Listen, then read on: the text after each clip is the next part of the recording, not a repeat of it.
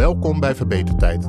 Korte opnames over verschillende onderwerpen op het gebied van verandermanagement en procesoptimalisatie.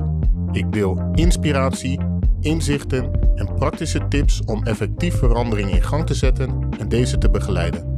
Heb jij in jouw organisatie te maken met grote of kleine veranderingen?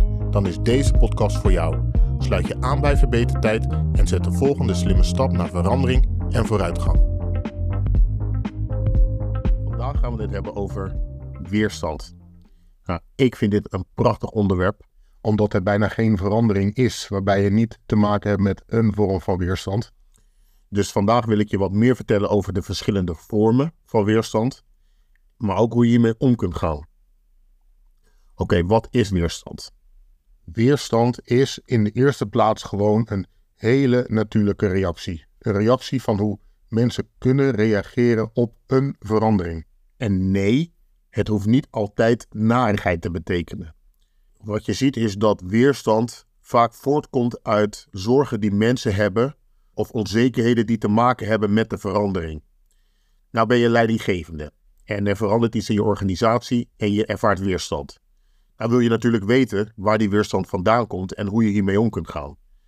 Nou, het is belangrijk om te begrijpen dat weerstand dus niet per se negatief is.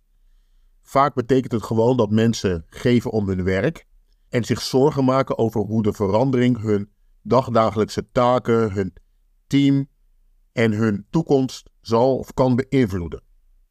Dan heb je dus nog verschillende vormen van weerstand. En deze kunnen zich op verschillende manieren manifesteren.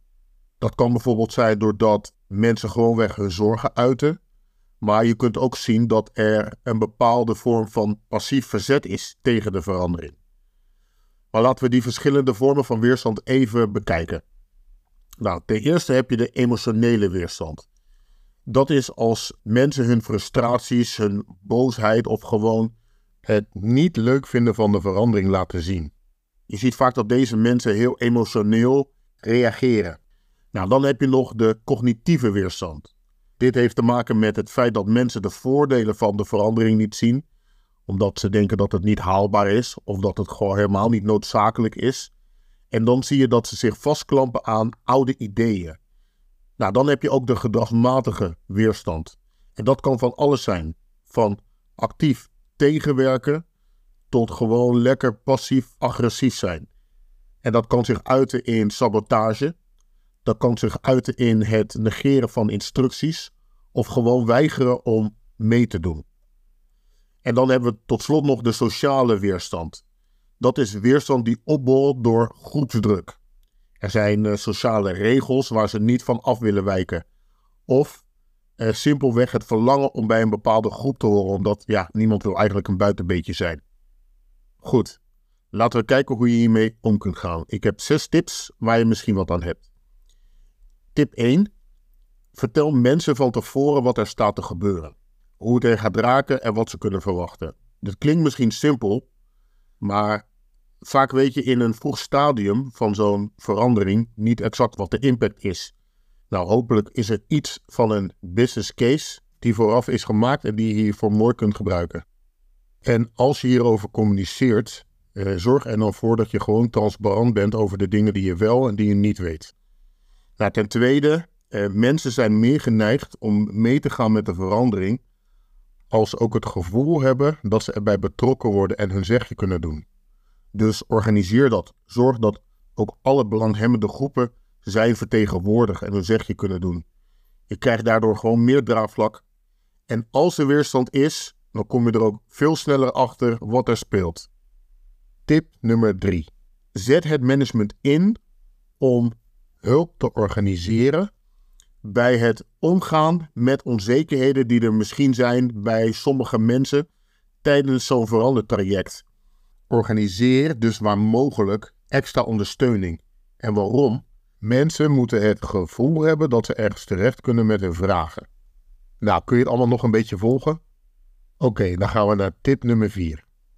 Soms kun je de weerstand ook verminderen door mensen een specifieke rol te geven in de verandering.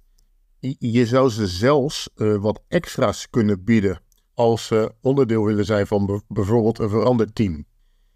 hier kun je lekker creatief mee omgaan. Waar het om gaat is dat mensen in ieder geval het gevoel of het idee hebben dat ze er ook zelf beter van worden.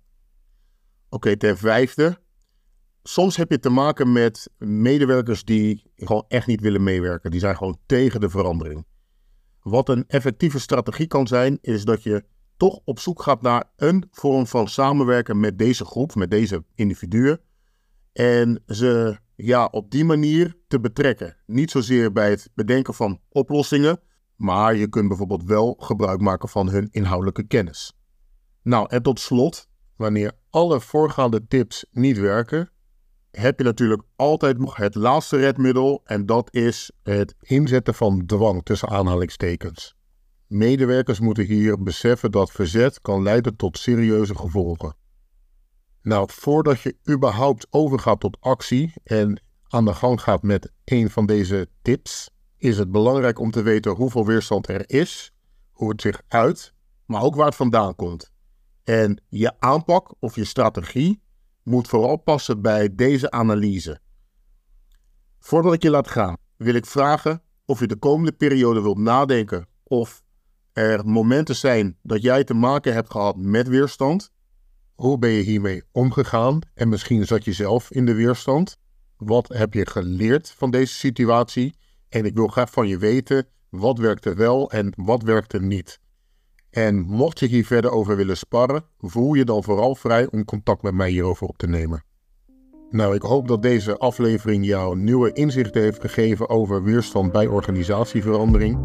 Ik wil je aanmoedigen om deze kennis toe te passen in je eigen organisatie dit was het voor vandaag. Ik wil je bedanken voor het luisteren. Blijf leren, blijf verbeteren en tot de volgende keer bij Verbetertijd.